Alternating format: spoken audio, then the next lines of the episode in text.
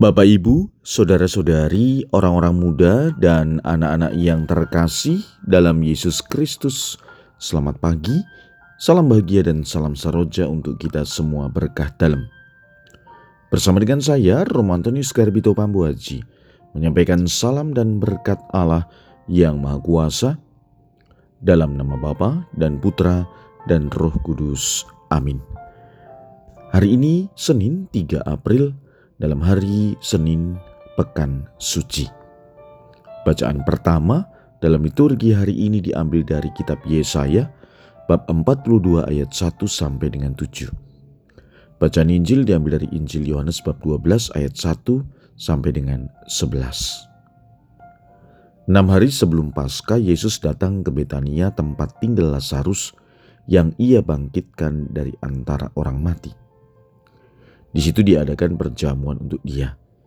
Marta melayani dan salah seorang yang turut makan dengan Yesus adalah Lazarus.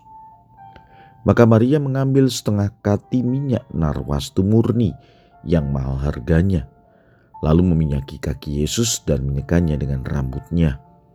Dan bau minyak semerbak memenuhi seluruh rumah.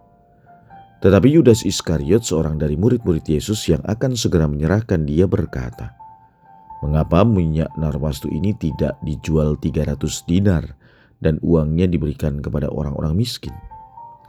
Hal itu dikatakannya bukan karena ia memperhatikan nasib orang-orang miskin, melainkan karena ia adalah seorang pencuri. Ia sering mengambil uang yang disimpan dalam kas yang dipegangnya.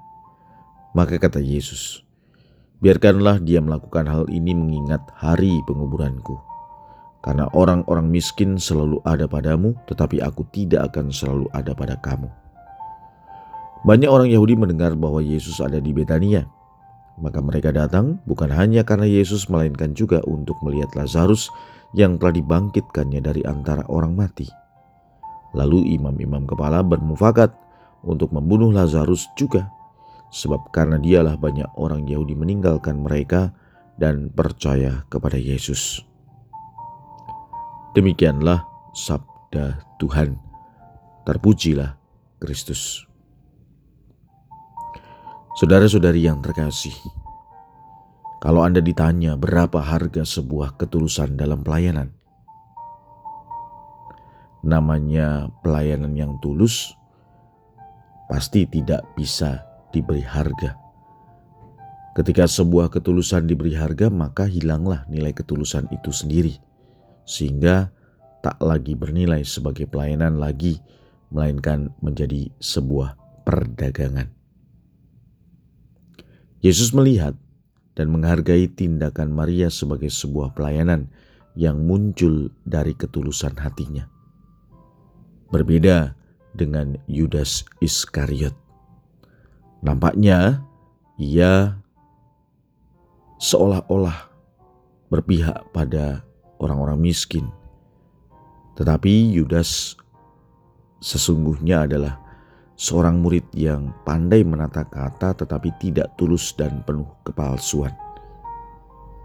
Ia pintar membungkus perbuatan jahat dengan kata-kata manisnya. Yudas tampaknya mengusulkan sesuatu yang baik, tetapi sebenarnya dilakukan demi cinta pada uang. Maka saudara-saudari yang terkasih, Sabda Tuhan hari ini mengajak kita untuk melihat dan sekaligus menentukan pilihan kita. Semoga kita semua terdorong untuk memiliki hati yang tulus, sebagaimana Marta, Maria, dan Lazarus, bukan seperti Yudas yang penuh kepalsuan. Marilah kita berdoa. Tuhan, Berikanlah kami hati yang baik dan tulus dalam mengasihimu dan sesama, seperti pelayanan yang dilakukan saudara-saudara Yesus, Lazarus, Marta, dan Maria. Berkat Allah yang Maha Kuasa dalam nama Bapa dan Putra dan Roh Kudus. Amin.